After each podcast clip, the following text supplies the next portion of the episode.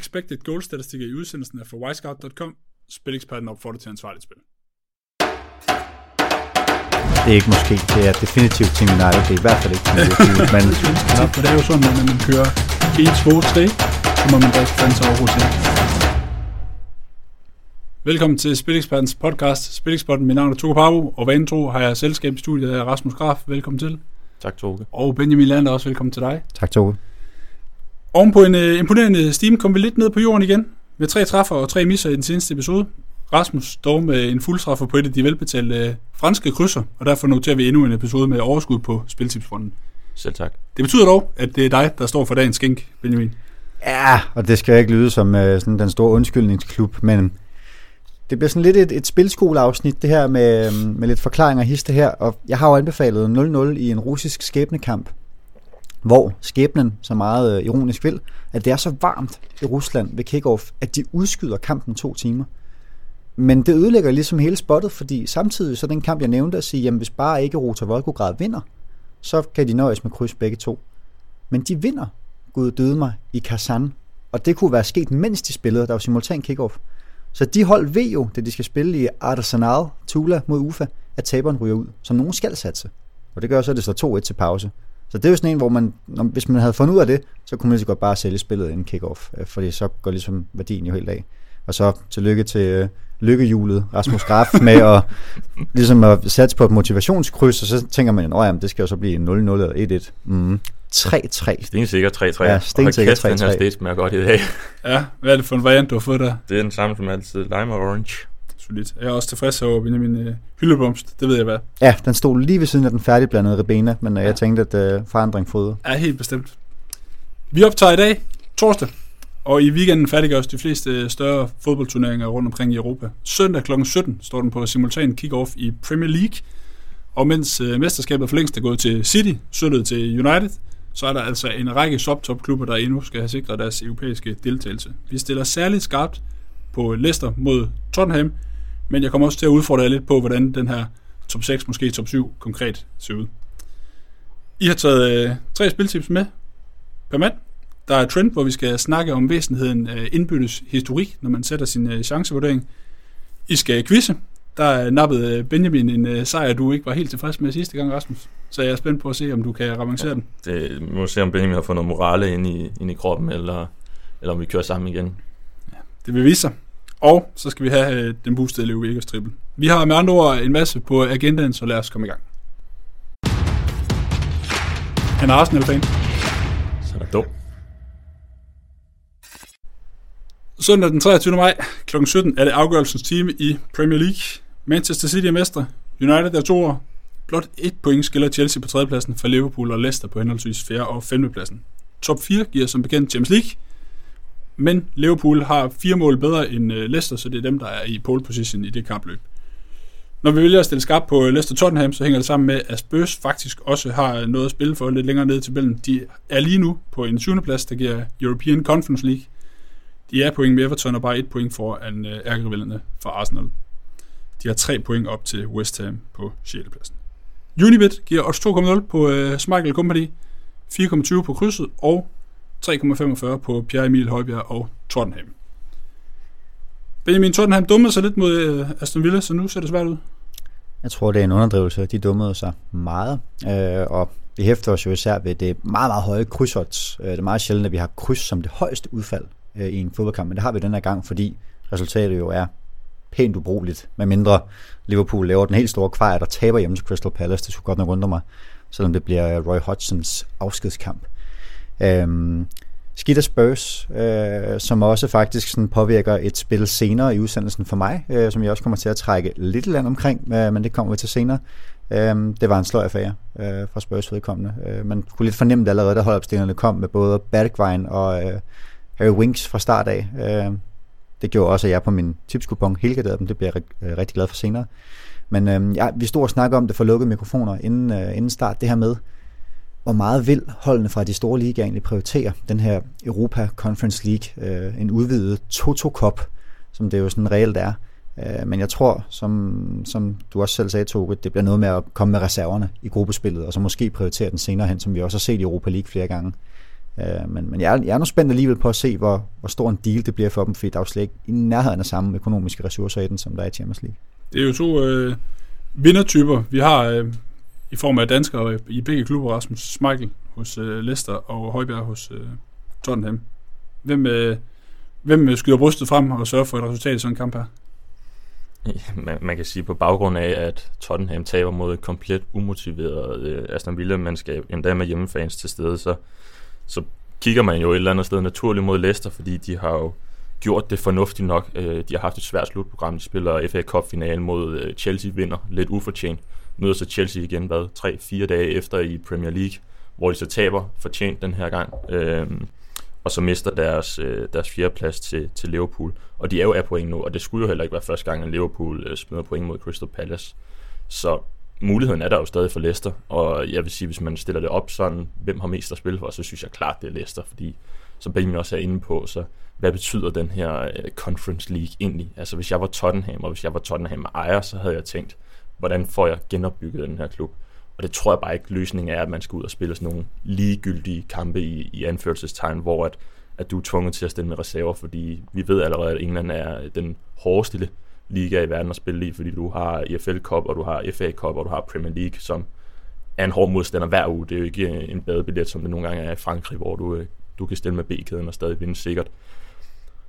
Så for at kigge ud i fremtiden, så vil jeg som Tottenham-træner øh, eller øh, ejer sige, at vi sælger det her Conference League, eller vi satser i hvert fald ikke på at få det, fordi øh, så kan vi øh, genopbygge os næste sæson og sikre mod en top 4-placering. Hård kost for Leicester, der har været øh, top 4 siden første spillerunde af Premier League, og nu øh, 37 runder øh, senere står, og, øh, eller 36 runder senere, står ud af den. Øh, det er hård kost for dem. Der er jo det her med målscoren. Øh, lige så snart de får at vide Liverpool, som forventer at komme foran med 1-0 mod øh, Crystal Palace, så skal de altså op og, øh, og lave 5 mod Tottenham. Det glæder jeg mig også til at se, hvad det kommer til at betyde. Vi har kampen med i vores boostede Leo Vegas, hvor synes, vi har fået noget rigtig godt spil, øh, men det tyder på en kamp, der ikke rigtig kan gå i stå. Øh, det der med Conference League og Tottenham og satse, øh, man kan jo også godt bygge et hold på at, at få flere kampe Jeg siger, jamen, så kan vi være ultra fokuseret på at stille med det stærkeste hold i, øh, i Premier League og i Koppen, øh, og i Ligekoppen og i Conference League, der får vi så alle mulige chancer for at talentudvikle og øh, kunne sætte scenen for øh, no, nogle af de unge, som, som skal sælges enten videre eller øh, dem holdet skal bygges omkring. Vi ser i går, at Harry Kane tager en, øh, en meget emotionel runde på uh, Tottenham Hotspur Stadium. Uh, ligner en mand, der forlader klubben uh, efter den her kamp. Uh, det bliver også spændende at se. Det er alt andet lige en, en talisman og en Premier League-profil, der, uh, der stopper der, uh, som jeg næsten sige er uhørt karakter. Uh, nu ved jeg godt, at jeg står og taler til en Arsenal-fan, uh, men, men ligesom da Van Persie var rigtig god i, i Arsenal, der kunne man jo også som United-fan anerkende hans kvaliteter. Og det tror jeg også, der er vel knappest et hold, der har haft så vigtig en spiller, som Kane har, som han har været for Tottenham. Så det glæder mig også til at se, hvad det bliver. Både kampen her øh, i weekenden, hvor, hvor, hvor fattet han er, og hvor meget han vil gå ind og, og slutte af med et brag. Han har en topscore-titel at spille for. Øh, 22-22 med Mo Salah, som også bliver spændende. Så øh, det er godt nok svært at se andet end en voldsomt underholdende kamp på King Power Stadium. Og det kommer, for mig så kommer det også lidt ned i sådan en kamp her til rutinen i den sidste kamp, altså hvilken træner kan, kan stille sit, sit hold bedst op til den her kamp her. Og der må vi jo bare sige, altså vi har jo ikke set meget for Ryan Mason endnu. Han er 3-0-3 som Tottenham-træner. Det har jo ikke været synderligt meget bedre end uh, under Jose Mourinho. Han spiller godt nok måske den bedste Tottenham-kamp i sæsonen, da de slår Wolves 2-0 på hjemmebane og, og skiller dem fuldstændig ad. Og det er Wolves, skal vi også lige sige. Ja, som er gået meget ned i den Hold her sæson. intet tilbage at spille for. Øhm, så man kan sige, hvis den står over for Ryan Mason og Brendan Rodgers, så er vi, så er vi flere klasser over øh, i Brendan Rodgers favør i sådan rent trænermæssigt. Og så altså 2-0, 6 eller hvad den var, den lå på på Leicester, det, det er jo også indvirket af, at Leicester er et markant bedre hold her. Men jeg glæder mig til at se, hvordan de kommer til at tage imod øh, hjemmefans for første gang på øh, King Power Stadium, fordi at der har vi jo set nogle resultater, hvor det virkelig har kunne mærkes øh, rundt omkring, og Leicester er heller ikke det største stadion, ligesom Tottenham, Tottenham Hotspur Stadium, hvor der ikke rigtig der er ikke den der intensitet. Det er jo ligesom lidt at være på Emirates. Det er jo som at tage på en, en kedelig café og, og se et eller andet. Så, så der kan man ikke mærke det på samme måde, men, men det bliver spændende at se, hvordan uh, Leicester tager imod dem her. Ja, det jo, kan jo potentielt blive dyrt for selvforståelsen, hvis de ikke uh, strammer ballen sammen, fordi Arsenal har en hjemmekamp mod Brighton, og de er jo som en anden øh, uh, fuld Phoenix rejser uh, fra Asken. Måske en kende for sent, desværre.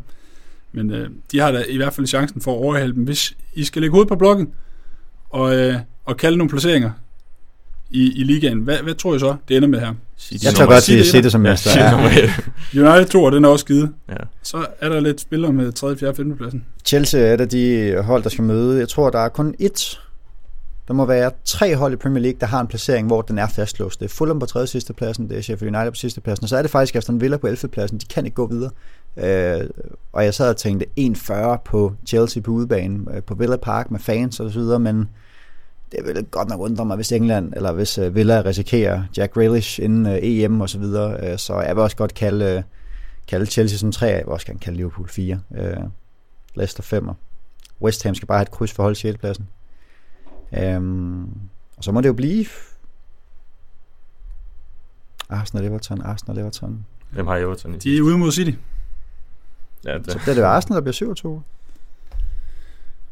Skal du bede om uh, Conference League til, til The Gunners? Jeg skal bede om øh, en head-to-head sejr over Tottenham. Jeg skal bede om 7. plads og en til uh, Conference League med.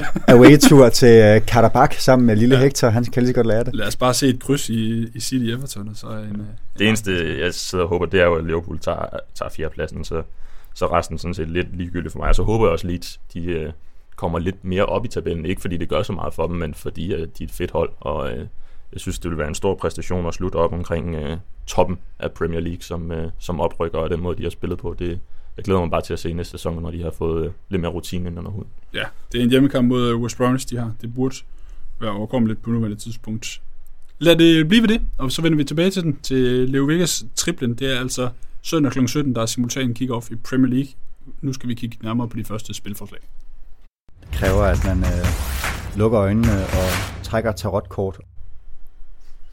Rasmus, USA, MLS, det er jo efterhånden blevet din øh, hjemmebane liga i spillingspotten, øhm, og det er også her, vi starter. Club de Foot Montreal mod FC Cincinnati, søndag kl. 19. Øh, ja, lørdag kl. 19, ikke sandt? Lørdag Ja. ja. Bjørn Johnson scorer til odds 62 hos Betfair, spilbar til 22. God gamle Bjørn Johnson. Bror til Mike Johnson. Det er, det er Bjørn Jonsson fra, fra Norge, vi har med at gøre her. Og jeg ved ikke, om, om MLS aldrig ikke har været min, øh, min yndlingsliga, men den har jo været lukket ned i noget tid, fordi at der var øh, corona, som gjorde, at de måtte aflyse en sæson, og så prøvede de det her MLS is back, og det var sådan lidt en billig udgave af, af en slutrunde. Men, øh, men tilbage til spillet. Bjørn Jonsson, øh, norsk stor angriber, som... Øh, har masser af fysik øh, og en del fart, på trods af sin størrelse. Jeg så ham spille for Ulsan Hyundai sidste år, Benjamin, han kan måske også huske ham derfra, hvor han, øh, det var tydeligt, at han var en klasse over de andre hold, i, eller de andre spillere i den liga, men han er meget en humørspiller. Øh, det skal man have med i det her spot, fordi at øh, når han er god, så er han rigtig god. Når han ikke er god, så kommer han ikke til, til super mange chancer. Men øh, han, har, han er lige kommet til MLS, hvor han har spillet 272 minutter for Club de Foot Montreal, som før hed Montreal Impact, som nu har skiftet navn. Øh, og det er fordelt ud over seks kampe, startede inden i de tre af dem. Det er blevet til 10, 10 afslutninger på de her 272 minutter, og det vil svare til 3,3 afslutninger per kamp, hvilket er ganske udmærket for, for en angriber. Øhm, der skal jo så det med, at han har for eksempel startet ude i, i tre kampe, og så i de tre kampe, han har startet inden, der er det blevet til 53, eller undskyld, 57, 73 og 64 minutter spilletid. Så kan man så sige, det er jo ikke skide godt for et spil, øh, specielt et målscorespil, at spilleren han ofte bliver taget ud. Men nu står vi mod FC Cincinnati, som jeg har sagt før, er med afstand det dårligste hold i ligaen. Og der er en god chance for, at han, øh, han godt kan få mere end de her i hvert fald 60 minutter spilletid på, på banen. Men i forhold til de her 10 afslutninger, så når vi kigger øh, målscorespil, så er det jo ikke så interessant bare at kigge på afslutninger, fordi øh, det kan være nok så flot, hvis han har 40 afslutninger, så de alle sammen er på 30 meters afstand. Lukker Prip. ja, præcis. Så, så bliver det aldrig helt rigtig farligt. Og det er derfor, vi tager fat i den her XG-statistik, som kan være en af de interessante parametre at kigge på, når vi kigger på enkelte spillere i hvert fald. Øhm, og for at sammenligne, så kan vi tage Raul Rui Dias for Seattle Sounders. Han er med afstand den bedste angriber i ligaen, og den, der kommer til størst chancer. Han ligger på 0,87 xg per kamp. Rigtig højt, øh, må man sige, for, for en enkelt spiller. Og selvom Bjørn Jonsson ikke er helt deroppe af, så ligger han stadig på 0,65, som er altså, øh, det er pænt snit for, for en offensiv spiller, vil jeg sige. Jeg brugte rigtig meget tid på at snakke om, hvor dårlig FC Cincinnati er i sidste podcast. Øh, jeg anbefaler Inter Miami til 91, og øh, jeg tror, de ender i 72 eller sådan noget, fordi at markedet simpelthen er dybt uenig med mig. MLS Soccer har lavet sådan en power ranking, som jeg vil komme ind på tidligere, hvor de har Inter Miami som det femte dårligste hold i ligaen, tror jeg. Og der må jeg så bare sige, at jeg er uenig med markedet.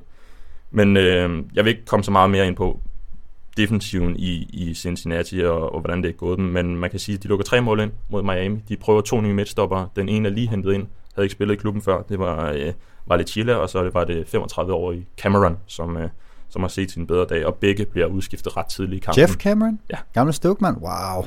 Øh, og begge bliver udskiftet tidligt i kampen, så øh, det var ikke fordi, det var en øh, overvejende succes, de havde der.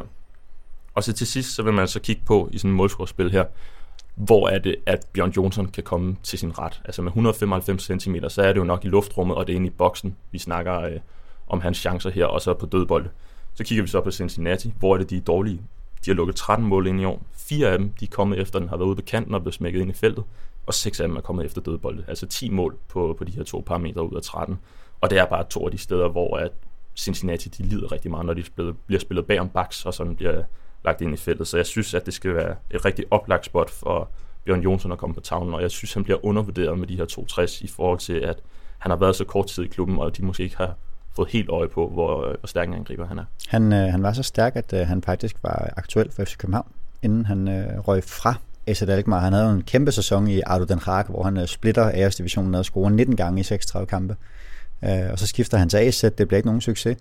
Og så står han jo derfra og skal ligesom videre i karrieren, og der ender han i Rosenborg, men jeg ved, at øh, han var på bloggen i FCK, og man overvejede ham helt seriøst, øh, også på grund af den profil, han har, øh, med en stor angriber, som han nu altid har haft, øh, haft pæn succes med inde i, øh, i parken, men øh, det blev så en øh, alternativ karrierevej, først til Rosenborg, og så siden der til koreansk og nordaf- nordafri- nordafrikansk, nordamerikansk fodbold, skulle det sige. Han har nok ikke jagtet det for, øh, for fodbolden, men, øh, men det må han jo om. Ja, han kan jo bringe sig selv i spil til endnu finere adresser, hvis han laver en kasse i kampen. Den er Bjørnen 62 hos Betfair, spilbar til 2.20, det er lørdag kl. 19. Montreal Cincinnati. lørdag. City Everton, engelsk Premier League, søndag kl. 17. Sergio Aguero, 2.12 hos Mr. Green, spilbar til 1.65. Har du, du snakker om, du vil øh, trække lidt land på den? Ja, jeg trækker lidt land. Øh, ikke at jeg ikke, ikke vil anbefale den. Jeg kan godt lide 2-12 stadigvæk, eller jeg kan i hvert fald godt lide spottet, fordi vi bliver i målscorens verden. Det er farvel til kun Aguero hjemme på Etihad. Det er med tilskuere. Og så havde jeg jo glædet mig til at sige mod et Everton-hold, der ikke har noget at spille for, fordi Tottenham slog Aston Villa med 3-1 i går på to mål af Harry Kane. Men det gjorde de ikke, så nu har Everton noget at spille for. Øhm, og spørgsmålet er, hvad de gør ved det. Ancelotti har jo gang i noget, noget stort, i hvert fald ifølge ham selv. Han var ude i et ret spidst interview og sige, de spillere, der ikke øh, vil være her, de kan bare smutte. Jeg vil kun have spillere, der er committed til projektet. Og modsætning til, øh, til Spurs, så tror jeg godt, at Everton vil have et udstillingsvindue i Europa og sige, jamen vi skal ud og spille, så kan det godt være, at det kun bliver den lille Conference League. Men øhm, de, er, de er jo ikke top 4 aktuelle alligevel, kan man sige, i forhold til Champions League. Så jeg tror, vi får et, et motiveret Everton-hold. Øh, til gengæld kan man så sige, City på det seneste efter mesterskabet kom hjem, der har vi set nogle rendyrkede cirkuskampe. 4-3 mod øh, Newcastle, 2-3 mod Brighton. Øh, og så er det jo bare det her farvel til, nu sagde jeg, at Harry Kane var et ikon for, øh, for Tottenham. Det vil godt nok også være uartigt, ikke også at kalde Aguero det for øh, City, selvom han selvfølgelig øh, har været skadet store dele af sæsonen, men er kommet tilbage og scoret to gange i de sidste fire starter, han har haft, øh, og har haft 10 afslutninger i de fire kampe, øh, med fin XG, selvfølgelig også 2,4 på de 10 afslutninger til sammen. Øh, han har været småskadet, har ikke været i truppen de sidste par kampe. Øh, Guardiola siger, at øh, han håber, at han er fedt, øh, og jeg tror, at han vil få kampen her frem for Champions League-finalen, hvor man kan sige, at der er jo langt mere at spille for. Der er det vigtigt for City, at de kommer med et, et kompetitivt stærkt hold, hvor kampen her jo, det er ren øh, paradekørsel. Øhm, så jeg kan godt love, han får straffesparkschancen igen, selvom han øh, kvarede sig med en øh, udulig Panenka, sidst han fik, øh, fik chancen for 11 meter.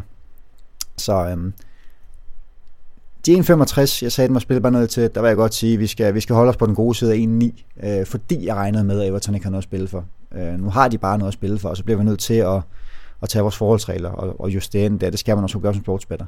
Øh, og så holde øje med, om han er i startopstillingen. Spillet tæller hos visse bookmaker, hvis han bliver skiftet ind, og det er vi ikke så interesseret i. Øhm, øh, så 16.00 finder vi ud af, om, øh, om Aguero starter inden. Gør han det, ser det fint ud. Øh, gør han ikke det, så skal man øh, sælge sit spil. Modtaget. Det er 2-12 hos Mr. Green i op til en stund. City Everton, Aguero scoring. Og nu rykker vi videre til et uh, tema, der ikke har været så belyst i de to analyser, I har haft med i dag, men som jeg ved, I er til skille til. Indbyrdes historik. Vi skal snakke om uh, væsentligheden af den, når man vurderer en kamp.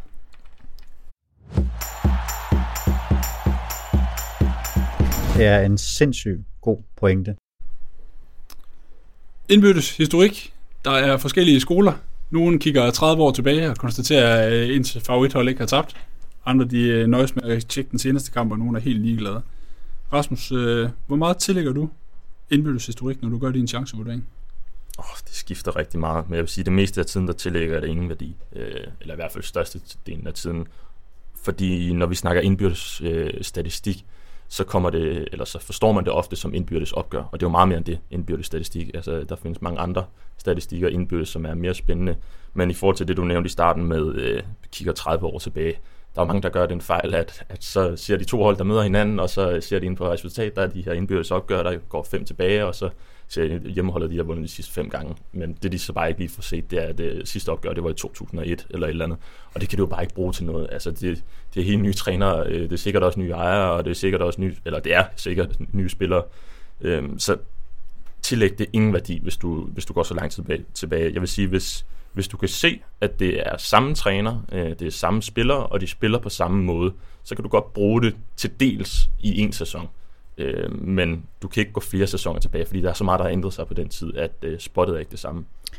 FC Nordsjælland synes jeg er en god case på noget, hvor man kan tillægge indbyttes opgør rigtig meget. Fordi den røde tråd FC Nordsjælland har efterhånden været den samme, uanset om træneren har heddet Kasper Julemand, øh, jeg lige vil sige Olof Christiansen, øh, Flemming Pedersen, som det gør nu, Morten Vihorst. Øh, der er det det samme. Der er uanset hvilket hold man har stillet med, nærmest siden der har været kunstgræs, så, øh, så har det været det samme. Altså det tillægger jeg rigtig meget betydning.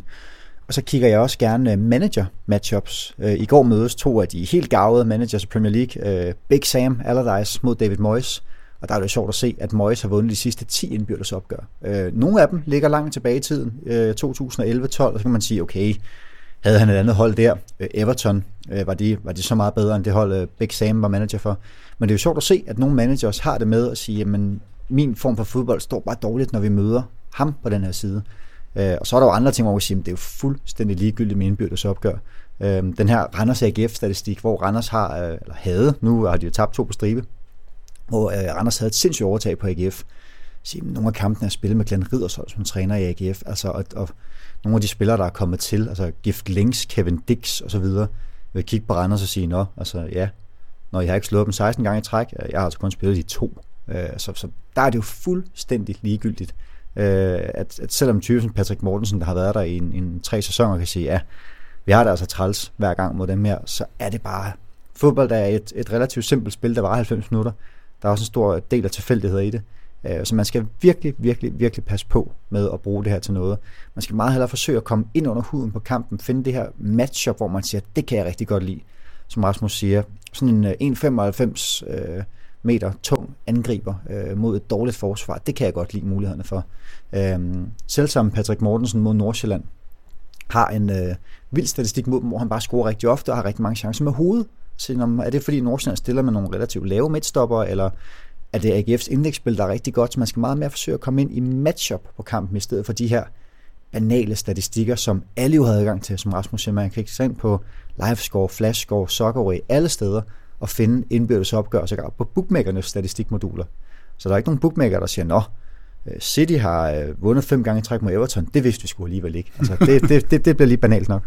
Jamen, det, det er tilbage til det der med bookmakerne. Så har du også bare i dit eksempel med AGF Randers, der har jo ikke været et tidspunkt, hvor vi har set, at odds har været influeret af, at Randers ikke har tabt til AGF i 100 år. Jeg tror, de giver hvad? Odds 81 på hjemmebane eller sådan noget af AGF. Det er rent styrkeforhold. Ja, præcis. Det. Så, så bookmakerne tillægger det ingen værdi. Øh, men jeg synes, det er en rigtig god pointe, som vores indledning også er til det her med, at man skal, man skal et lag dybere, hvis man skal bruge de her indbyrdes statistikker, og man skal også have, vil jeg sige, en vis taktisk forståelse for at kunne bruge dem, fordi at der er noget med, at to hold, de øh, kan have det svært med hinanden, øh, for eksempel, hvis det var tilfældet med Randers og AGF. Det kunne være, fordi Randers havde haft en speciel spillestil. Det har de så bare ikke haft i, i så lang en periode. Men hvis nu det var et meget fysisk betonet hold, som, øh, som AGF generelt havde det svært ved, så kan du så gå ned og sige, okay, kan det være derfor, at de har så dårlig en statistik mod dem, og det stadig går seks år tilbage. Det er fordi, de har spillet på en bestemt måde i så lang tid, og dem, de har mødt, ikke har kunne kapere det på den måde. Som, øh, som du også var inde på med Nordsjælland, så kunstgræs, de kan også have en stor betydning for, for indbyrdes opgør, men det er jo så kun på, på hjemmebane, man skal kigge der øh, de taktiske matchups mellem træner. Der er nogle Superliga-trænere, som har mødt hinanden adskillige gange, og som kender hinanden indgående. Øh, og der vil man op, ofte se de her øh, taktisk låste opgør, hvor at, at det ligesom bliver sådan en kamp uden for sidelinjerne om, hvem der først kan åbne hinanden op. Ikke? Så, så man skal have en, en, en vis forståelse for at kunne bruge det her i sin chancevurdering, vil jeg sige. Dit eget FCK-hold har jo et øh, decideret herningkompleks, øh, har lukket mindst tre mål ind over ni kampe i streg, og det er jo også, altså det er en stime, der strækker sig tilbage fra, hvad er det, 2018, øh, en gang der. Og det er jo interessant at se, hvad er det, der gør der, fordi jeg ved ikke, er der en spiller tilbage, måske to spillere tilbage fra 2018 fra den gang, øh, der har været, jeg ved ikke, hvor mange forskellige trænere forbi, FCM i hvert fald, mens det primært har været Ståle Solbakken hold, der har tabt stort derovre. Øh, nu så vi to også gøre det. Det er jo ikke sådan, at man kan gå ind der og sige, når man, vi ved, de har det svært i Herning. Altså, FCK har været nede og spille i, øh, i Beograd foran øh, 40.000 elvilde tilskuere. Det er jo ikke fordi 11.000 mennesker i Herning skræmmer dem. Øh, og seneste gang var det været 4.500 på grund af corona. Jeg ved, du ved fra Twitter, at deres fans kan være lidt øh, op at køre, så måske der er de øh, skræmt lidt af det. Ah, ved man ikke. De, de, de er intense, men, men øh, det, er jo, det er jo, altså, der ved man altid at de har det bare svært i Herning. Vi ved ikke, hvad det er, om det, men det har noget at gøre med spillestil. Altså det har ikke noget at gøre med, at man kommer til Herning og siger, vi kan ikke vinde i dag. Altså det er topprofileret sportsmænd, vi har at gøre med. Men der er bare nogle spændende tendenser at sige, jamen, Odds er ikke influeret af det, som Rasmus siger, at FCK spiller i Herning, men vi ved bare, at der er et eller andet i luften, om det er gylde eller noget helt andet.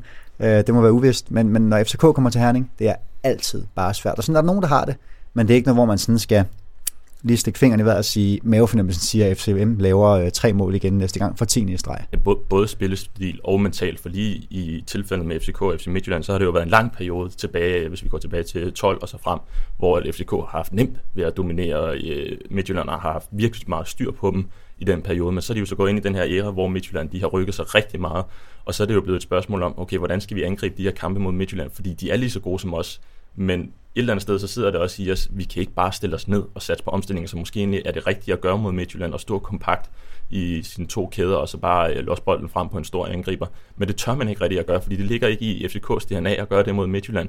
Så, så det kan også godt komme tilbage til både spillestilen, men også mentalt i forhold til, hvordan tør de her klubber at gå op mod hinanden. Og som det sidste med FCK for FCM, det er faktisk meget interessant, fordi det er jo, altså nu tager jeg bare et møde fra øh, september 2018, det er trods alt tre år siden, vi har stadig gengangere, der hedder Svirchenko, Alexander Scholz, Joel Andersen, øh, Mabil og Onyeka fra FCM. De vinder kampen 3-1.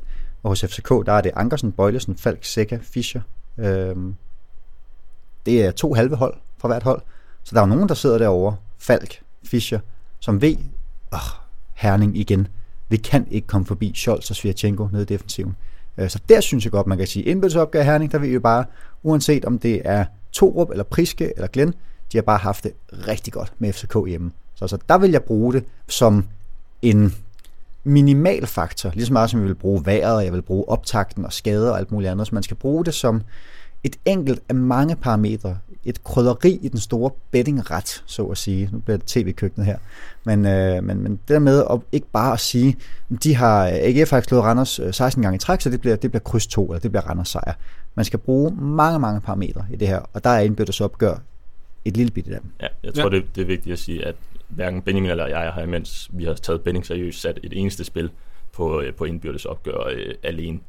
Altså, det kan ikke bære et helt spil, og det kommer aldrig nogensinde i nærheden af at kunne bære et helt spil. Det skal aldrig være din mest afgørende faktor, øh, hvis du går seriøst til din Benning.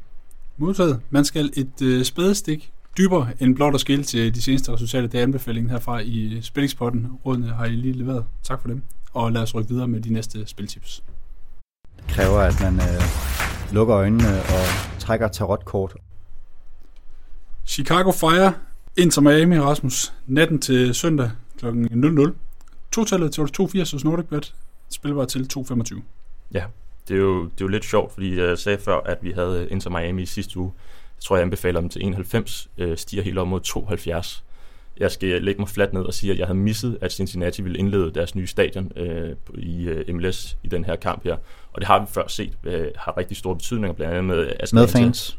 Ja, blandt andet da Atlanta de øh, ligesom øh, åbnede deres øh, Mercedes-Benz Stadium, der var det noget helt vildt, fordi der var plads til 90.000 tilskuere og sådan noget. Man kan så sige, at det her opgør, der havde det ikke den store betydning. Der var ikke super mange fans. Jeg tror, der var 7.000 til stede på Cincinnati's nye stadion, og de var ikke sådan øh, vilde med at, med at komme og se det her Cincinnati-hold. Men det var altså øh, fra 91 til 72, det er en markant stigning. Og i bagklogskabens lys, så må jeg nok sige, at at det har nok noget at gøre med, at markedet vurderer dem som øh, noget dårligere, end hvad jeg gør. Både markedet og også øh, dem, der sidder over i USA og, og skriver om det her i medierne. Fordi der er MLSsoccer.com, som er den officielle side for, øh, for MLS, som det fungerer lidt anderledes end øh, i Danmark. De skriver en masse artikler, det sidder Superligaen ikke lige at gøre. Øhm, og de, har, øh, de laver en power ranking hver uge, hvor de simpelthen siger, hvem er det bedste hold, hvem er det dårligste hold lige nu, og så lister de dem bare dernede af. Der var jeg inde og kigge i går, øh, og der fandt jeg til min store overraskelse, at Inter Miami, de lå, jeg tror det var femte sidst, de ligger på 19. pladsen på den her power ranking. Og inden jeg havde kigget på den der, så var jeg slet ikke i tvivl om, at jeg skulle have dem i en bedre halvdel. Og så kan man jo så sige, det er jo bare mig, der er dybt uenig med markedet. Det er farligt at være dybt uenig med markedet, men, øh, men jeg holder fast indtil videre i hvert fald. Startmarkedet er også kommet på Chicago Fire. Uh, Inter Miami åbnede i 2,6 og nu oppe i 2,82-85 stykker. Så man kan jo, hvis man tror på Rasmus' vurdering, vente op mod kickoff og sige, at det kan sagtens være, at Inter Miami ender i et stykke over 3 jeg, jeg vil slet ikke være overrasket, hvis, øh, hvis vi ser en stigning her. Nu bliver jeg nødt til at anbefale den nu her, fordi, øh, fordi vi er i studiet her om torsdagen. Men, men i USA er det også ofte sådan, så dem, der sidder og spiller og styrer markedet derovre, det er nogen, der følger Pontus. Ponders, det kan være folk, der skriver på nettet, ligesom mig og Benjamin også gør, men, men de har en noget større følgerskare, Og hvis der er en, der skærer ud og siger, at uh, Chicago Fire er vejen at gå her, så er der rigtig mange penge, der bliver rykket den vej. Så det har rigtig stor betydning, hvor de uh, offentlige penge kommer over i USA.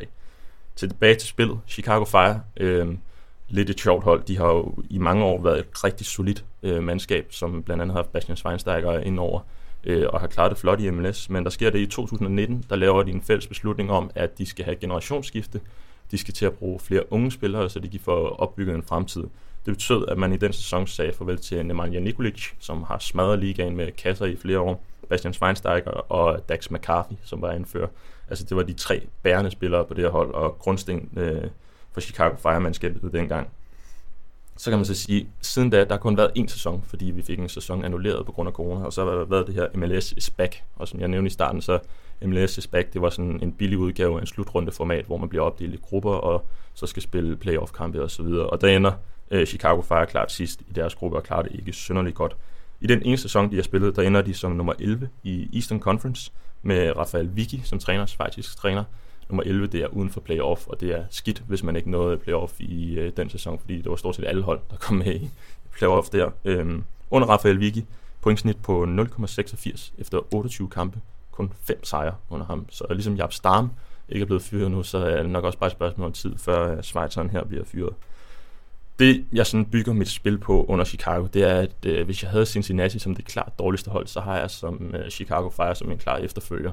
Jeg sad og så dem mod øh, Philadelphia Union, som er et udmærket hold. Øh, jeg tror, de havde dem som nummer 5 på den der power ranking. Jeg synes ikke, de er sønderligt meget bedre end øh, til Miami. Og i den kamp, der var det skræmmende så dårlige øh, Chicago Fire, øh, Chicago Chicago Fire var. Jeg tror, de kunne have været bagud 3-4-0 efter 20 minutter, og det var, det var alt, alt, alt for nemt at, at skabe chancer mod det her Firehold. Fire-hold. Spiller senest mod øh, DC United, som er et bundhold i øh, MLS, taber 1-0, skaber stort set ikke nogen chancer, kun i de sidste minutter, hvor det meste var tilfældigheder. Så det er i mine øjne et skidt, skidt Chicago Firehold, som også måtte se deres måske bedste mand Jimenez udgå i seneste kamp, og er tvivlsomme op til det her opgør. Og i forvejen har deres offensiv profil Alicetta ude med, med en skade, så øh, en klar øh, fejlvurdering fra, fra markedets side, vil jeg sige, og igen er vi tilbage til sådan styrkeforholdsspil. Øh, det er totalt Inter Miami sejr til os 2-80 hos NordicBet i optagende sund. Du har en spilbar til 2.25, og det er natten til søndag kl. 00 i MLS. Benjamin, vi skal en tur til Italien. Sassuolo Lazio, søndag 20.45. Sassuolo til at vinde første halvleg. Det var 2.40 hos Bet365, spilbar til 2.10. Ja, hvis ikke jeg var glad for, at Aguero var lidt loren ved det, så øh, er jeg kun blevet gladere for det her øh, Sassuolo-spil. Øhm, de skal op mod et Lazio-hold, der intet har at spille for. De har afviklet sidste hjemmekamp, det er den sidste kamp i Serie A. Øhm, og hvis man har fulgt med i fodbold, så ved man godt, at det er lidt specielt noget omkring Italien, Spanien, Portugal motivation betyder så meget. Øh, og jeg tror ikke, at Lazio er for fine til at gå på banen af Sassuolo og sige, hmm, hvis vi taber til Sassuolo, og Roma samtidig taber til Spezia, så sender vi altså øh, lillebror i citationstegn ud af de europæiske top 7 placeringer. Så kan man så sige, hvor stor er chancen for, at umotiveret Spezia kan slå Roma, måske ikke alverden, men uafgjort kan også være nok, hvis Lazio tager med 5 til Sassuolo. Det er måske lige at stramme den i forhold til, hvor, hvor mistænkt det ville se ud, hvis de går på banen og tager med 5 til Sassuolo. Men jeg er i hvert fald slet ikke i tvivl om, at det her Lazio-mandskab de er i Europa League. De missede øh, Champions League efter en, øh, en dårlig slutspurt med tre pointtab i de sidste fire kampe, og øhm, i seneste kamp får de tre karantæner, og det er altså til markante spillere som Luis Alberto, Luis Felipe og Andreas Pereira, der alle sammen er ude til kampen her, efter man spillede 0-0 mod Verona. Øh, det var også en kamp, hvor Verona, eller undskyld, mod øh, Torino, hvor Torino bare skulle bruge et enkelt point for at redde sig. Øhm, så jeg har det sådan lidt sidste udekamp, hvor man skal til Sassuolo, øh, intet at spille for, og man kan ordentligt købet. Det er jo lidt Arsenal-Tottenham. Hvis Arsenal kunne sørge for, at Tottenham ikke kommer i Europa, så tror jeg også, man vil kigge der og sige, åh, ah, det kan da godt være, at vi lige går i seng et par timer senere, og at øh, den får lidt blandt selv slik til morgenmad, i stedet for lidt pasta, hvad det ellers skulle være. Men øh, konspirationsteori eller ej, så kan jeg godt lide Sassuolo i opgøret her. Kommer ind med tre sejre i de sidste fem kampe. Ser fine ud, har øh, stærke offensive kræfter, der godt kan gå ind på dem. Men får de nu meldingen om, at Roma fører med 2-0 i Spezia, så kan de jo sagtens gå ned. Jeg overvejede at anbefale dem til at vinde med 5 til omkring os 25, så man kunne sætte Rasmus helt til væk i udsendelsen. Øhm, men, øhm, men jeg synes egentlig, det er rigtig godt i al beskedenhed. Jeg synes, det er godt set af mig selv, at øh, jeg går med Sassuolo første halvleg, fordi så kan de køre på. Lazio er der ikke fra starten af, og så kan det jo være, at øh, de får en skideballe af Simone Inzaghi i pausen, så jeg prøver at høre at tage jer sammen i bagud 2-0. Øh, nu skal vi slutte ordentligt af, og så finder Sassuolo ud af, at Roma fører, og så ender kampen 2-2. Men øh, jeg kan godt lide Sassuolo, jeg kan godt lide dem til at vinde første halvleg, og når vi er helt oppe i 2-40, så kan jeg meget bedre lide det, end at spille dem til at vinde kampen til 1-85. Ja, letter på hatten, hvis det er eksakt det scenarie, det indtræffer Benjamin, det er sgu orden. Her øh, noterer vi dig for. Første halvleg, Sassuolo 2-40 hos Bet365, spilbar til 2-10. Vi har endnu et sæt spiltips til gode, men inden vi når dertil, så skal vi have afviklet The Quiz. Jeg håber, du har en 13-14 ledetråd tilbage. Quizens svar på Lyngby Horsens. Grimt, uskyndt og intenst. The Quiz. Sidste gang var det Benjamin, der var hurtigst på aftrækkeren, og vi havde en Rasmus i studiet, som ikke var helt tilfreds. Så derfor så antager jeg, at der er meget på spil i dag. Lidt mere end øh, normalt, Rasmus, det ved jeg ikke. Ja, jeg vil gerne starte med at byde på Mats Hummels, Mario Götze, Ejern Robben, Frank Ribéry. Ja, lad os bare Marc stoppe her, inden du rammer ham. Det, det, det bliver forgiftet for mig, tror Nå. jeg. Og så lad os få øh, første ledetråd skudt afsted. Det er jo sådan, at ledetrådene kommer i en lind strøm, og så kan man gætte med, når man lytter til det her. Om man kan få dem før eksperterne i studiet. Jeg skal lige sige, at det er jo en vigtig quiz det her. Jeg ved ikke helt, om vi sådan skiller ved Champions League, eller hvordan vi gør, om vi sådan... Altså afslutter vi sæsonen på et tidspunkt? Ja, det skal vi finde ud af. Vi har jo Har et sæsonvedmål, øh, som vi kørte tilbage for lang tid tilbage. Og Er det den... s- Den kører stadig, øh, og for lige at opsummere, så øh, var det taberen. Han skulle øh, have en øh, rivaliserende trøje på i tre episoder, og øh, lægge et billede op på øh, Twitter med det. Øh, og der sagde vi, at det kører til og med Champions League. Øh, Så næste udsendelse, og så er det det. ja, det må det være. Ja, ikke? Der er seriefinale næste weekend. Jo, jo. Der bliver råbt jo op fra... Øh, Ja, ja. ja. øh, og der skal vi jo lige have klargjort, at øh, Champions League-finalen, den ligger på en lørdag. Ja. Øh, hvis man har spillet med til søndag, hvordan forholder det sig i statistikkerne? Det har jo meget at sige. Ja, det er jo ligesom det der øh, latterlige øh, vinterbadningsvedmål, hvor ej, så talte de tips ikke, fordi øh, det ikke var med i udsendelsen, øh, på trods af, at det var et øh, var det Ja. februar-vedmål. Og det skal vi jo bare have, have ned på tale her, må man så sige. Jeg synes jo, at øh, de spiltips, der bliver leveret i udsendelsen, der bliver optaget, inden de tæller med. Det tæller med, ja, præcis. altså, når de Ja. Men du skal ikke have et eller andet EM-bet med til udsendelsen. Jeg har ja, langtidsvedmål på Ja, VM præcis, 2022, så, hej. så kommer til at skubbe det der til. Nå. Det er quizzen, vi skal have taget hul på. Første ledetråd er, at han har spillet klubfodbold i fire forskellige lande, og han har vundet den nationale titel alle steder. En sejrsvandt herre, vi har med at gøre. Okay. I 13-14 havde han sin hidtil mest målrige sæson, da han scorede 11 ligatræffere i Serie A. 13-14. Det er mange år tilbage, men det er jo nok været noget Juventus hele vejen, ikke? Han har tilbragt det meste af sin karriere i Bundesligaen, hvor han har repræsenteret to forskellige klubber.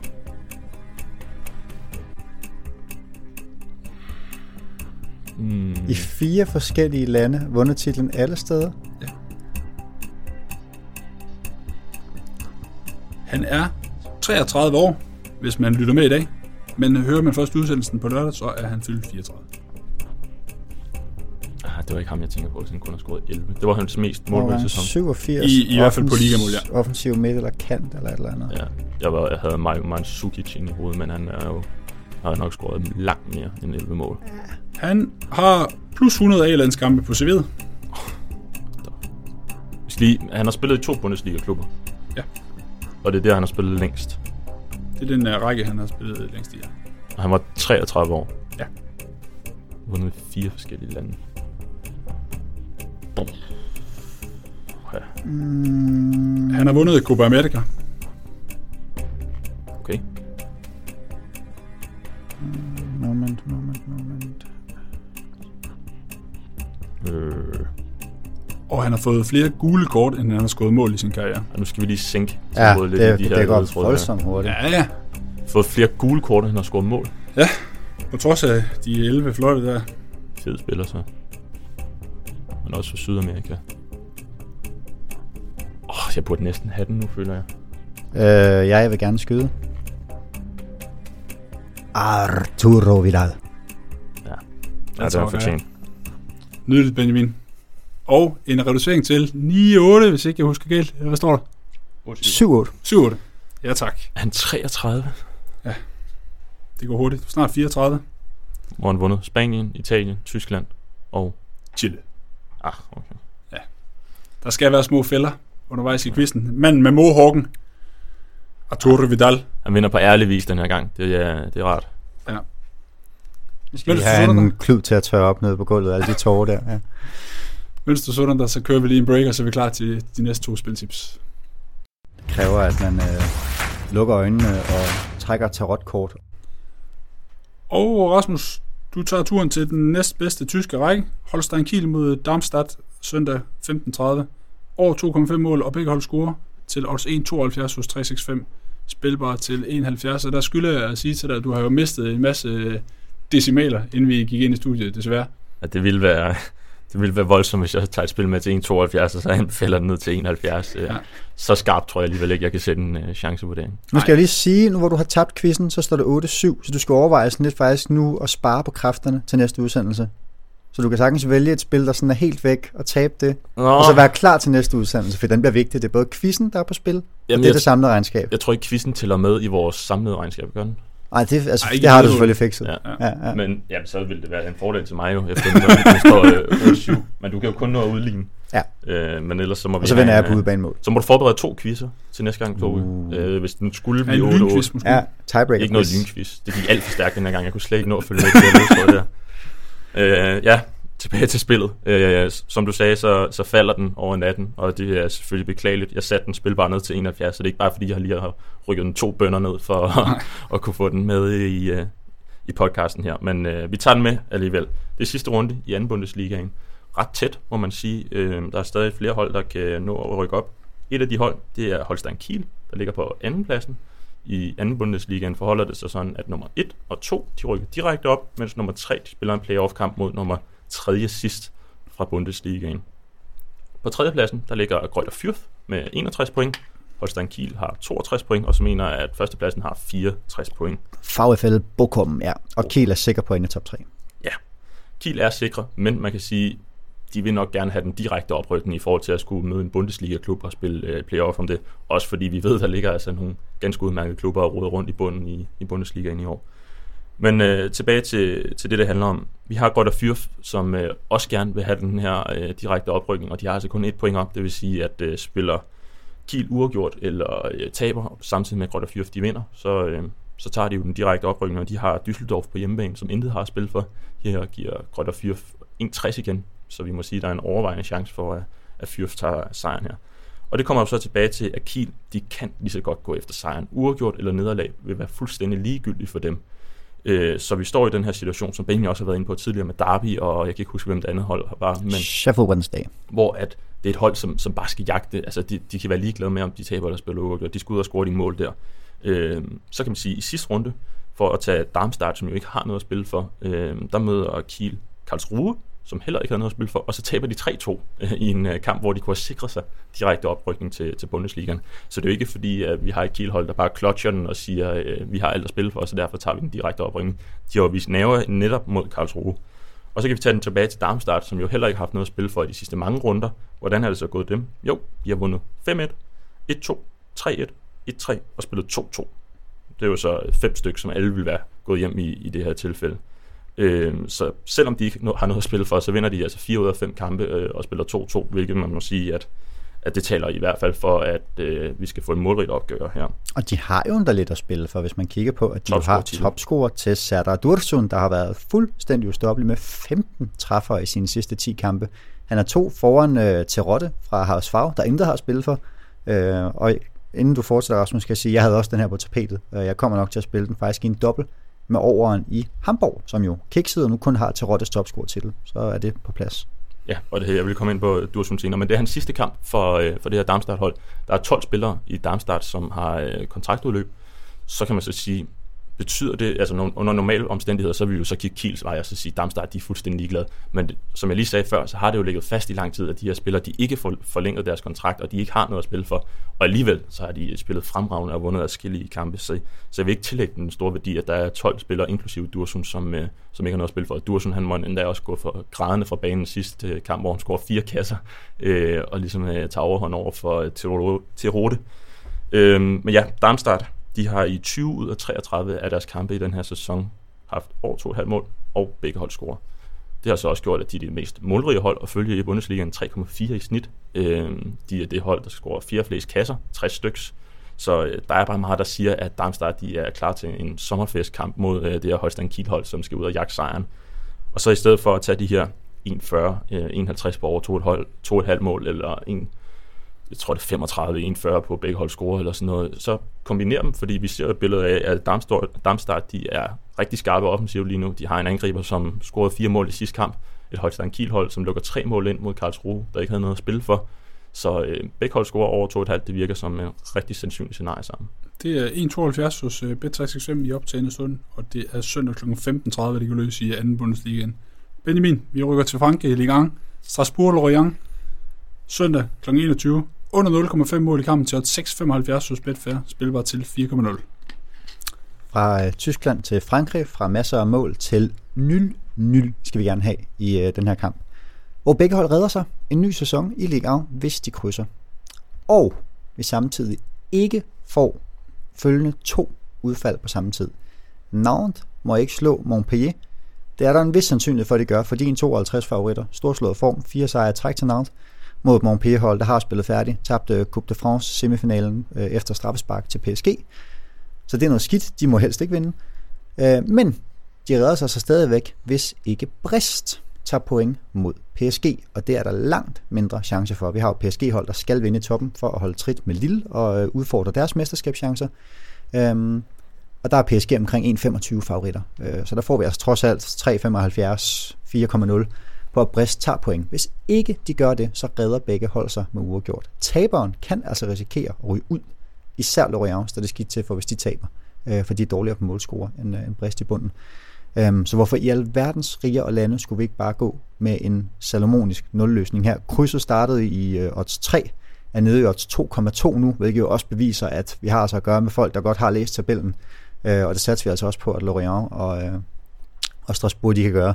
Grunden til at vælge 0-0, det er, at der er ingen, der skal frem her. Vi har at gøre med, at kommer der en føring i kampen, så kan vi i princippet stå med et hold, der, øh, der er nede øh, eller skal spille den her 18. plads, er det jo, de skal mod træeren, eller mod vinderen af oprykningsspillet i øh, den næstbedste række. Og jeg synes, vi har set det så mange gange før, når, det er, når vi har at gøre med bundhold. Det bliver så nervepirrende. Det bliver en omgang planløst boldtrilleri. Og når vi får 22 på uafgjort, så modsvarer det jo cirka 43% chance for en pointdeling. Og så synes jeg, det er voldsomt, at vi kun skal have det, der så bliver under 15%, for at den ender målløst. Så øh, vi går med en, øh, en målløs kamp i det franske til at runde øh, det næst sidste kapitel af Spillexpotten 2021 af. Det bliver 3-3. så, så må du æve dig. Det er 6,75 du får på under 0,5 mål hos Betfair i talende stund Strasbourg Lorient søndag kl. 21, du har en spilbar til, og 4 måske en kamp, man skal være lidt hurtigere ude på. Der er en pæn øh, risiko. Jeg, jeg, jeg, jeg tror ikke inderst den, at krydser falder så meget mere. Det er efterhånden nede, hvor det skal være, men jeg er overrasket over, at vi stadig får den pris, vi gør på øh, 0. Jeg kan også se flere steder, at den under 5, så øh, man skal nok ikke øh, bevæge sig med samme øh, sneglefart, som Rasmus gør i quizzen. Så, øh, så får man ikke godt 6,75. Således seks spilforslag leveret fra øh, de her i studiet. Tak for dem. Øh, vi skal have tre anbefalinger mere på den anden side af breakeren, når der står på weekends boosted eller Vegas Triple.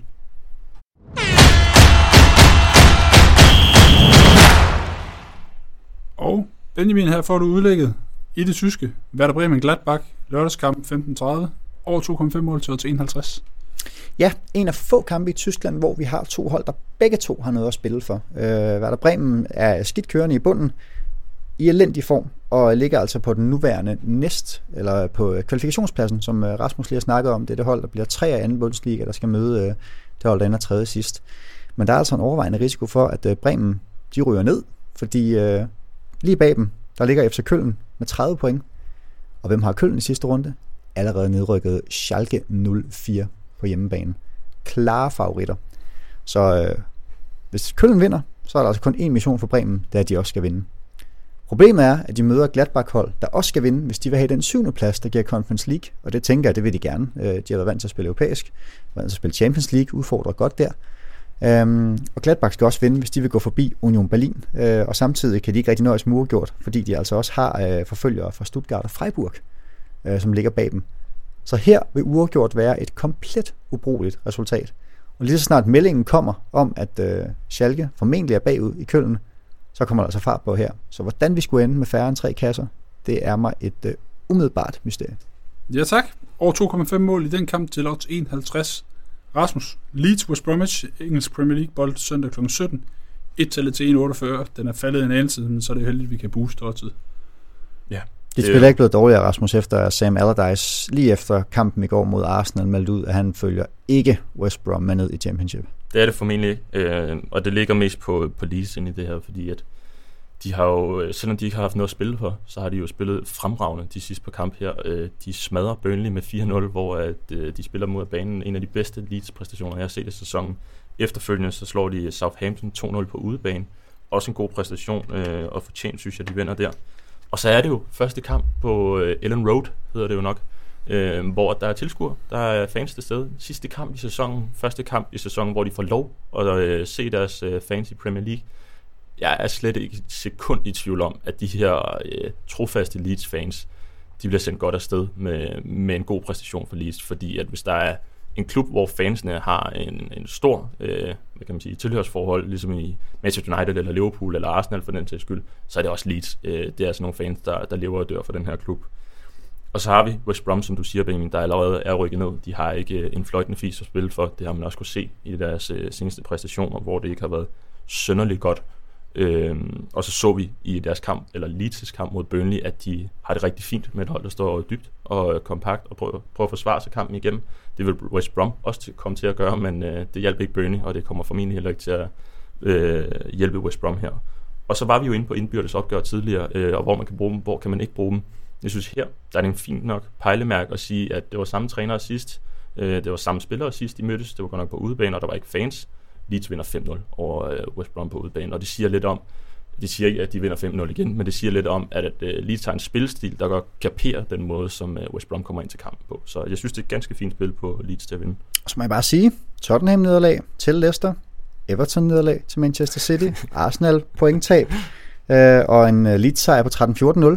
Så ryger Leeds i Conference League. Ja, så, muligheden ligger altså, derude. De er sted. Leeds minus 12,5. Ja, det, det, det, kan man, det kan man overveje ud, hvis man er til den meget, meget risikovillige side. Benjamin, øh, du får lov til lige at tale videre, fordi øh, du får udlægger på jeres fælles valg Leicester Tottenham søndag kl. 17. Over 2,5 mål til 1,61, også faldt den eneste. Ja, jeg synes, vi fik snakket os varme på mange mål. Kane, topscorer-titel. Leicester, der skal vinde med op til 5, hvis Liverpool kommer foran mod Palace. Uh, en kamp, hvor uafgjort mere eller mindre er ubrugeligt. Indbyrdes opgør igen. Uh, Brendan Rodgers mod Tottenham, det har så været både øh, Mourinho, øh, det har været øh, Pochettino i særdeleshed. Øh, 12 indbyrdes opgør, øh, 42 scoringer, 3,5 mål per kamp indtil videre, og jeg ved godt, mange af dem ligger langt tilbage, men det har altså været med Harry Kane blandt andet hver gang. Øh, så der synes jeg også bare, at vi har alle ingredienser til, at, øh, at hvornår den her kamp nogensinde skulle gå i stå, det har jeg også svært ved at se. Så en uh, fin lille triple, vi får sat sammen her. Ikke til sådan de skyhøje odds, hvad er det, vi har ramt efterhånden? 10-12 stykker? 9 og 11, tror jeg. 9 og 11, uh, men uh, lidt har som bekendt også ret. Og så var det så også, altså det var to personlige fejl, vi så uh, Aston Villa score på mod Tottenham, så det er jo ikke lige frem et uh, forsvar i balance. Det er Regulon, som nærmest laver et saksebak uden for feltet, og, og smider den i kassen bag Uri, og så er det en opspilsfejl, så uh, defensiven er heller, nok heller ikke helt på plads i Spurs. Nej, det kan være, at Jimmy Vardy han har julelys i øjnene. 3,57 giver jeres uh, øh, triple. Vi booster den inde på Leo Vegas, og du kan finde den ved at søge på Spileksperten i søgefeltet. Som nævnt uh, tidligere i programmet, så er det afgørelsens time i det meste af fodbold Europa. Og vil du klædes godt på til weekendens tabasser, så kan jeg henvise til spileksperten.com, hvor Søren Fornfri også snakker Premier League, ligesom vi har gjort det. Mille Runderer er der på SA, Nicolai Lisberg er klar med dommen over Bundesliga og La Liga. Per Pedersen er der med gennemgang af den 32. runde i Superligaen, som afvikles på mandag. Og foretrækker du pukken over fodbolden, så er både Claus Elming og Mike Larsen klar til at dække VM i ishockey, som starter i morgen fredag. I næste uge, der udkommer vi både med den almindelige podcast, som du lytter til nu, og med en EM-special i samarbejde med Bet25, hvor vi blandt andet stiller skarp på topscore-emner ved sommerens slutrunde. Det glæder mig til. Der er jo kommet to nye emner. Karim Benzema og Thomas Müller. Ja, det vil Meget, meget afgørende for power rankingen også. Og så er der også en af Benjamin eller jeg, der kommer til at stå i enten Liverpool eller Manchester United, tror jeg, under den episode. Jo. Så øh, Ja, vi kender jo ikke resultatet. hvorfor gør vi ikke det? Er det ikke på torsdag? Jo, Du skulle have runden med. det skal lige Nå ja. Og bordet fanger, nu har han selv sagt, at han frivilligt vil tage en Så Benjamin tager, øh, Det står er i så Liverpool, fint. tror jeg, her næste øh, Ja, ja. Subscribe på Spillingsporten, hvis du vil være med, når vi udkommer, og ellers skal du have et tak, fordi du lytter med. Det er ikke måske, det er definitivt Team United. Det er i hvert fald ikke Team Liverpool, men Ja, for det er jo sådan, at når man kører 1, 2, 3, så må man drikke fans over hotel.